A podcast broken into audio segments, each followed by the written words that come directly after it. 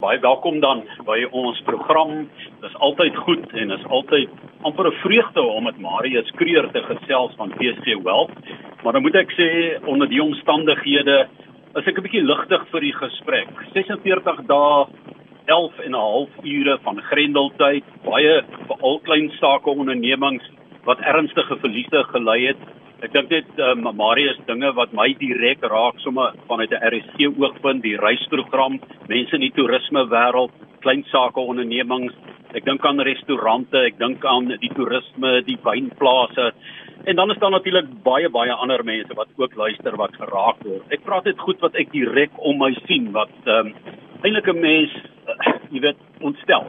Maar dit is die kaarte wat vir ons gedeel is, dis waarmee ons moet werk en in hierdie uh, 47ste dag nou al van Grendeltyd is daar sekerlik 'n paar lesse wat 'n mens kon geleer het uit die COVID-19 pandemie. Uh Marius, in in miskien moet jy jou ervarings vandag met ons deel want dis nie die eerste maal dat die wêreld in so 'n greep is nie. Dis die eerste maal dat ons as gevolg van so 'n virus in so 'n greep is of as gevolg van die virus. Dit sluit nou die ander die Spaanse griep uit en jy weet al daardie dinge, maar in 'n so soortgelyke situasie met die globalisasie, ek meen dit is dis eintlik net skrikwekkend eh, waarmee ons nou in die gesig gestaar word. Ja, Johan, ehm uh, ek dink dit sal hard wees as ons nie uit hierdie pandemie en krisis waarna ons nou is ook goeie lesse leer nie. Ek dink Winston Winston Churchill het eendag gesê, "Let's not waste a good crisis." En ek dink ehm um, ek wil maar 'n paar graag lesse wat ek self geleer het en ek dink wat ons in besigheid ook geleer het die afgelope tyd, uh, sal ek graag wil deel. Ek dink eerstens as ek wil kan begin Johan, ek sien dat ehm um, Capitec Bank het so navorsing gedoen. Hulle het gesê 73% van besighede in Suid-Afrika kan nie 3 maande oorleef sonder inkomste nie. En ons sien ook dat baie mense sê na 'n maand hulle kan nie hulle huise betaal nie, hulle huur betaal nie, hulle kry nie inkomste nie. En dit sê tog net vir 'n mens dat dit lyk vir my asof ons in 'n tyd lewe waar ons so van die hand mond tot die mond lewe dat ons geen nes eie opgebou het vir moeilike tye nie. Ehm um, Indien 'n maatskappy of 'n klein besigheid nie 30 dae kan oorleef nie, dan beteken dit hy het sy beplanning het hy nooit eintlik besluit om te sê maar ek gaan ten minste vir my 'n neseier opbou indien daar moeilike maande of moeilike tye kom dat ek kan oorleef sonder inkomste. En ek dink dit is dieselfde met individue.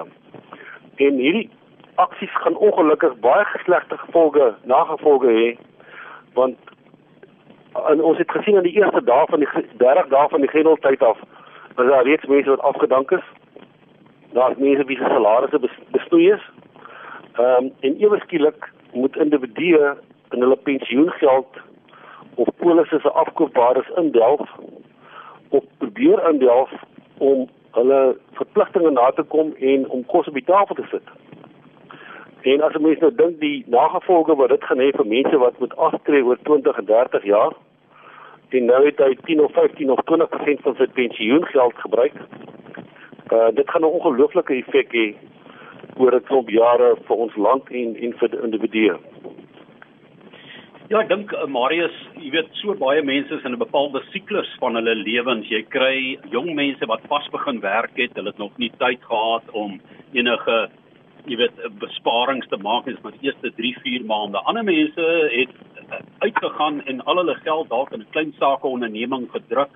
Hulle is in die eerste jaar daarvan en dit gaan alles oor oor die siklusse en en dit is so belangrik dat die tydsgewrig waar binne jy is in jou loopbaan 'n mens tog maar moet kyk of jy nie 'n tipe van 'n uh, kussentjie kan inbou nie. Al is dit nou soos ek sê van die begin af, uh, maar dit is maar bitter moeilik. Uh, weet want ons praat al soveel jaar met mekaar ehm um, hoe ons ons geld moet bestuur oor finansies en elke male het jy gesê maar geduld is nodig om jou deur die siklusse te dra. Dit is 'n medium tot 'n langtermyn tipe van beplanning wat 'n mens moet doen. Maar party mense is nou korttermyn in die moeilikheid. So kom ons kyk na van die verdere lesse wat jy vir ons kan leer uit hierdie uh 46 dae, die 47ste dag wat ons nou binne gegaan het. Ja, Johan, ek hoor jou nie so baie goed nie. Jy moet miskien 'n bietjie harder met my praat. Maar 'n uh, 'n tweede les wat ek maar net uh, geleer het in, in hierdie tyd en dit gaan spesifiek na mense se beleggings toe en ook die manier hoe mense vir hulle self inkomste verseker uh, voor of na aftrede, het sy dit 'n besigheid is wat jy bedryf en het sy dit uh, is om jou aftrede aan te vul. Ehm um, dit ek haal so 'n bietjie weer Spreuke 11 vers 2 aan wat ek baie verlief is voor daar staan geskrywe. Hou jou besittings op 7 of selfs 8 plekke want jy weet nie watter teenspoed oor die land kan kom nie. Nou, hierdie advies oor diversifikasie het baie beleggers en baie mense geïgnoreer omdat hulle op sekere maniere goeie ervarings gehad het van 'n spesifieke bateklas of 'n belegging wat hy gemaak het, het sy dit aandele is, het sy dit eiendom is. En nou kom ek agter daar's baie mense wat 'n tweede huise behoorsaal het wat hulle verhuur wat wat nie 'n slegte idee is nie. En ewe skielik uh kan die huurders nie betaal nie of hulle kan nie die volle paaiement betaal nie. En as dit jou hoof hoofdoel van of die hoofbron van inkomste is, dan het jy nou probleme. Uh baie mense koop 'n hele woonstelblok en sy besigheid is hy hy's in eiendomme en al sy bates is in eiendomme. Dit het hom goed gewerk in die in die verlede, maar omdat hy nie gediversifiseer het, so Spreuke sê nie, sit hy nou in 'n situasie waar 2/3 van sy inkomste het hy verloor want sy huurders kan nie betaal nie want hulle word verbied om te werk. So dit is 'n ander ding wat ek agtergekom het, dieselfde met aandele. Baie mense het in aandele geglo maar het miskien net 2 of 3 of 4 aandele gehad. En ek het een persoon al vir my sê hy het al hy het al 'n paar huise met met met ehm um, uit Sasol se aandele gebou. Aandele wat hy geld te gemaak het uit Sasol aandele. Maar hy het met al sy geld in Sasol aandele gehad. Ewe skielik verloor Sasol 80% van sy waarde. Weens hy het nie gediversifiseer in ander aandele nie. Die, die volgende punt fout wat mense gemaak het is hulle het al hulle geld in Suid-Afrikaanse aandele gehad en niks in die buiteland gehad nie. Nou as ons 'n bietjie kyk na wat gebeur het in ons mark Johan, het ons ehm um, hier ek dink by die 17de Maart was omtrent die laagste punt gewees op ons aandelebeurs, dis ons beurs omtrent 35% af. En die S&P 500 was ook plus minus 30% af gewees. Intussen het die S&P 500 herstel dat hy plus minus 12% af is en ons ons mark ook. Maar die rand het 25% verswak. Hier vanaf R11.40 na plus minus R18.60 18.70. Met ander woorde, die buitelandse gedeelte van jou portefeulje het vir jou eintlik 12% groei gehad, netto groei in hierdie jaar ten spyte van die negativiteit in die markte. Jou plaaslike portefeulje is heeltemal nog ten minste 12% af, afhangende wat se aandele jy gehad het, is daar baie van hulle wat nog 50% af is. So wie eens wys dit vir jou as jy nie gediversifiseer het in jou portefeulje nie, dan het jy al jou geld in Suid-Afrikaanse aandele gehad het, was jy 12% af, maar as jy jou jou portefeulje in die buiteland 50% af gehad het, het jy nou gelyk gebreek en was jy eintlik nou glad nie af in hierdie tyd nie. So diversifikasie is ek dink is 'n les wat ons almal wat baie mense geleer het nou om te sê ek kan nie net al my bates op een manier belê of in een bate belê nie. En ehm um, ek dink veral eiendom het mense nog alles kok gekry wat hoofsaaklik in eiendom geglo het en regtig uh, baie bates in eiendom het. Ek weet ek het een kliënt wat hy sy pensioen kry maar uit uit so 5 of 6 woonstelle en vier van die mense kan hom nou nie betaal nie. En ewe skielik is sy pensioen gesny met 60 70%. So ek dink dit is 'n baie belangrike les ehm um, wat ons geleer het oor diversifikasie in hierdie tyd dat ehm um, ek moenie dink dit het my die verlede gewerk het. Ek moet al my geld daarin gooi nie en ja.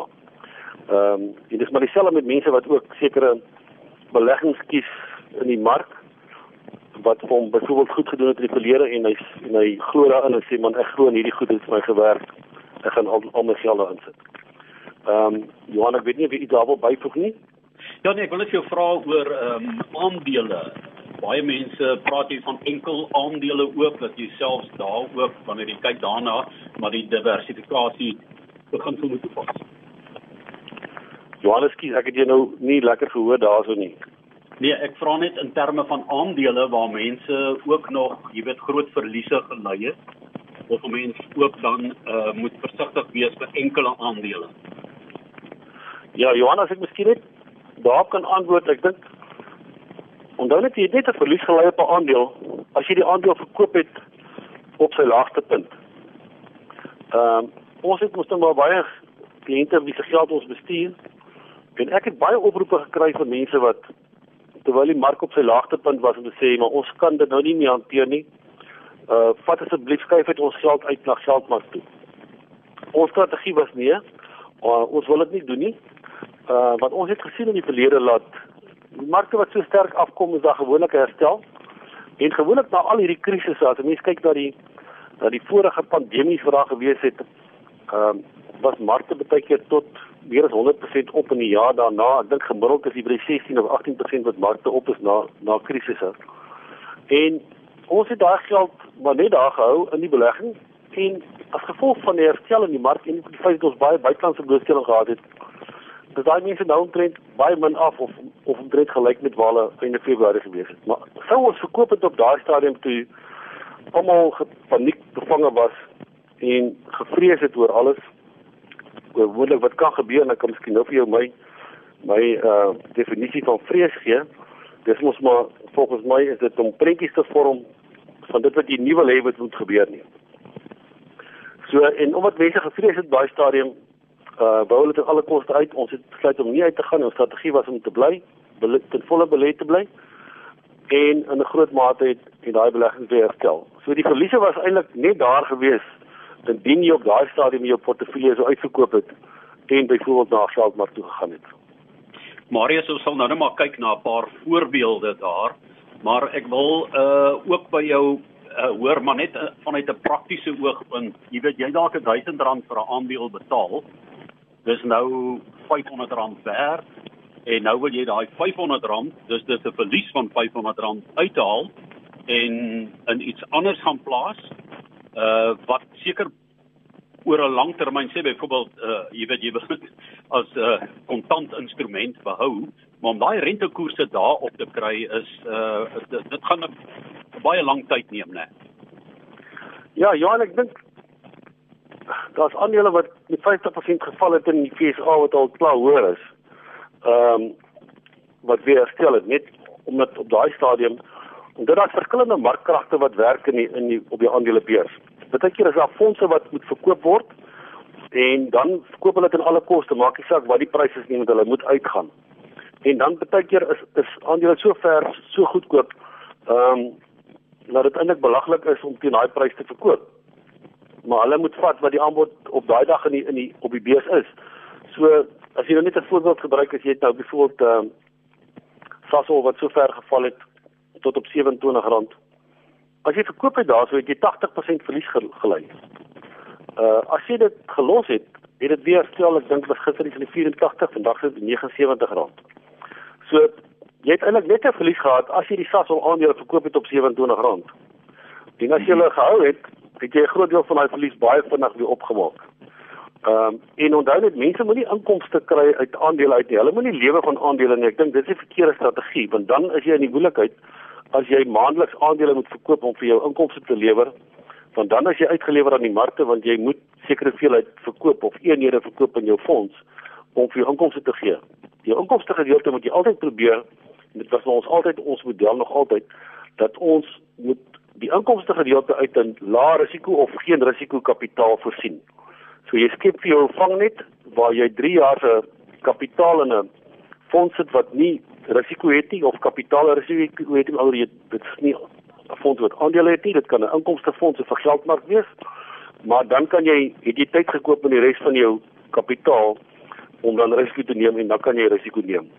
So dit dis belangrik dat mense net besef is jy gaan nie as jy 'n aandeel het en hy val met 50%, moet jy van die begin af geweet dat jy moet tyd in jou model hê sodat jy hom nie hoef te verkoop teen 'n 50% verlies. Ek praat met Marius Kreer van PC Wealth in hierdie grendeltyd in Suid-Afrika oor finansies.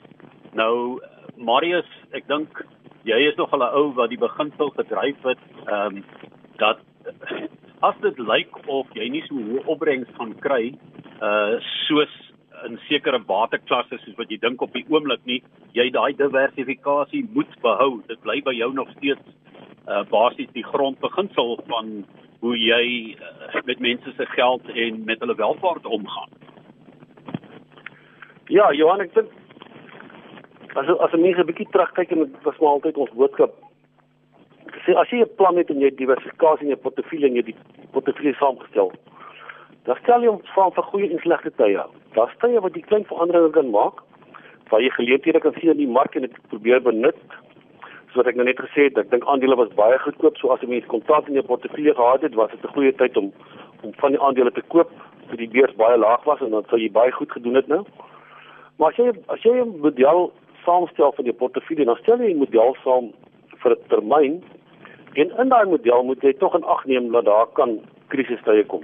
Ons weet almal niemand kan vir ons kan die wêreld voorspel en ons weet dit nou beter as ooit tevore. Dat jy moet voorsiening maak daarvoor. Dit gaan gebeur in jou lewenstyl. Dit gaan gebeur jou moontlik in hierdie termyn van die tyd wat jy jou geld belê. Maar jy moet daardeur kan gaan.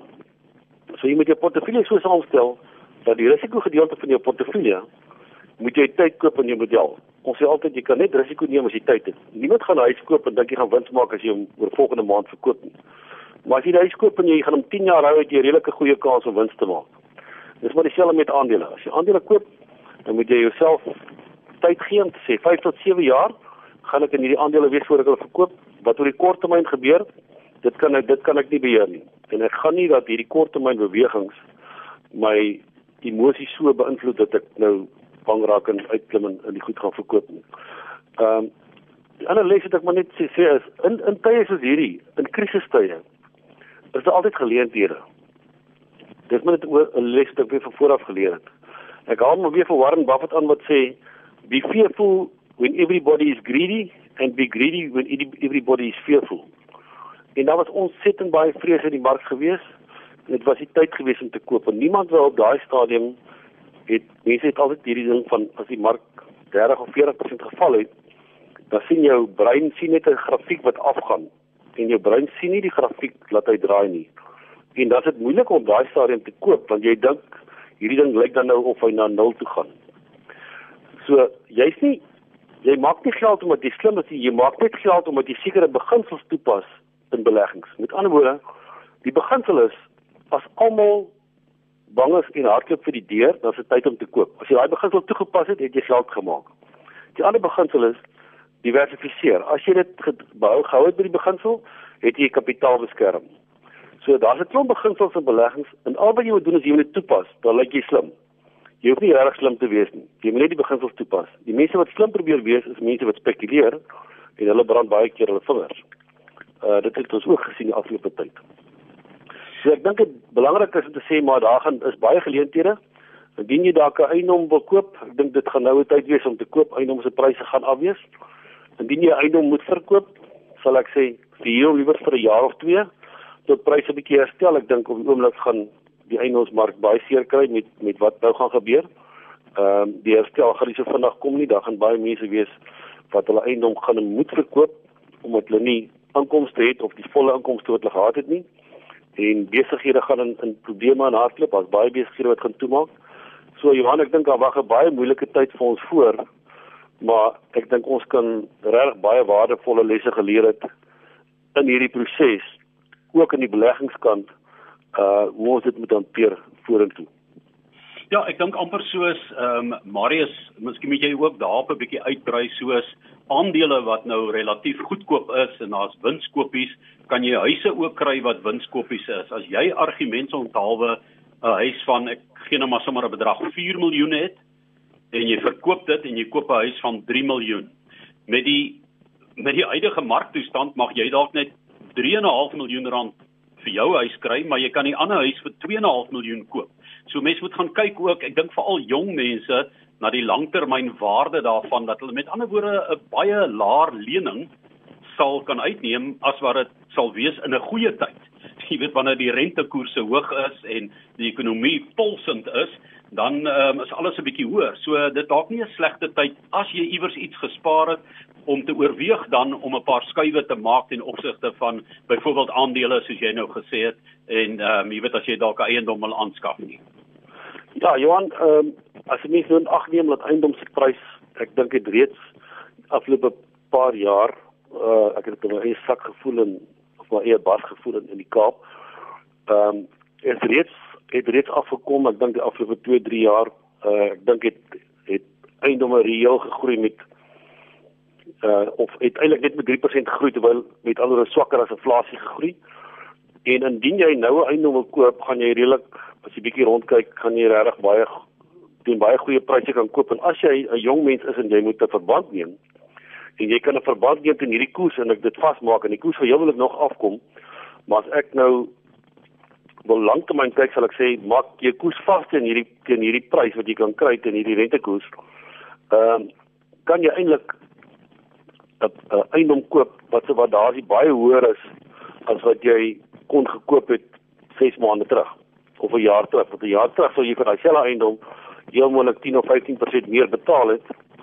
En jy sou rentekoers gewys sou jy ook heel moontlik 15 of 20 of 30% dalk meer betaal het. Ehm um, so dit is 'n groot voordeel wat mense nou het wat eiendom wil koop, mense wat moet verkoop, dink ek sal moet mooi dink. Uh, want jy gaan nie jou prys kry wat jy wou gehad het nie. Ehm um, so my aanbeveling sou wees as jy kan verhuur en jy kan lewe daarmee met kontantvloei verhuur dit liewer vir die volgende jaar of 2 tot pryse bietjie herstel. Maar ja, daar gaan ongelooflike winskoopies nou wees. Ehm um, en ja, Johan kry die die industrie wat jy net van gepraat het, die gasvryheidsindustrie en die toerisme-industrie kry ek ontsettend jammer uh mense wat wat nie mag werk op oomblik nie wat wil werk wat nie inkomste het nie. So dit dis baie moeilike tye, maar ek dink uh ons moet ons moet maar hier ook uitvat wat wat ons kan uitvat wat vir ons vorentoe gaan help in die lewe. En een van die dinge is beplan vooruit probeer 'n reserve opbou vir jou eie neseier persoonlik en vir jou besigheid as jy dit het. Ek dink as jy daai model gehad het die dag toe jy begin werk het, het jy redelik al nou al gehad, maar omdat niemand so 'n model gehad het nie. Ehm um, en almal eintlik maar lyk my van die hand tot die mond geleef het van maand tot maand. Het dit nie gebeur nie. So dit is maar 'n um, groot probleem op die oomblik vir mense wat uh, wat nou spyt as hy het nie 'n nes eie nie of dalk miskien 'n goedkoper kar kon gery het of 'n kleiner huis kon gebou het en liewers met 'n klomp kontant in die bank gesit het nou as wat jy al hierdie skuld het en jy het nie regtig uh, voorsiening gemaak vir enige noodtoestande nie.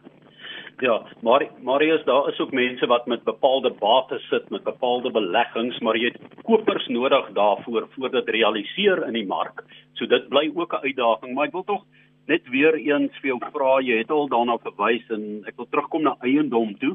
Daar's twee maniere, eintlik basiese maniere waarop 'n mens in eiendom kan belê. Die een is om 'n vaste eiendom te koop of anders kan jy investeer in uh, eiendomsaandele, hè, en dit is eintlik twee verskillende forme van belê in eiendom.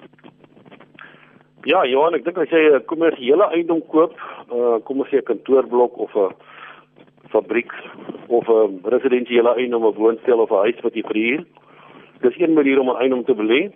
Natuurlik is al jou bates dan of baie van jou geld is in een spesifieke eiendom ehm um, belê en as dan nou fout gaan met daai eiendom of jou huurders kan nie betaal, huurders kan nie betaal nie, dan maak dit jou baie seer.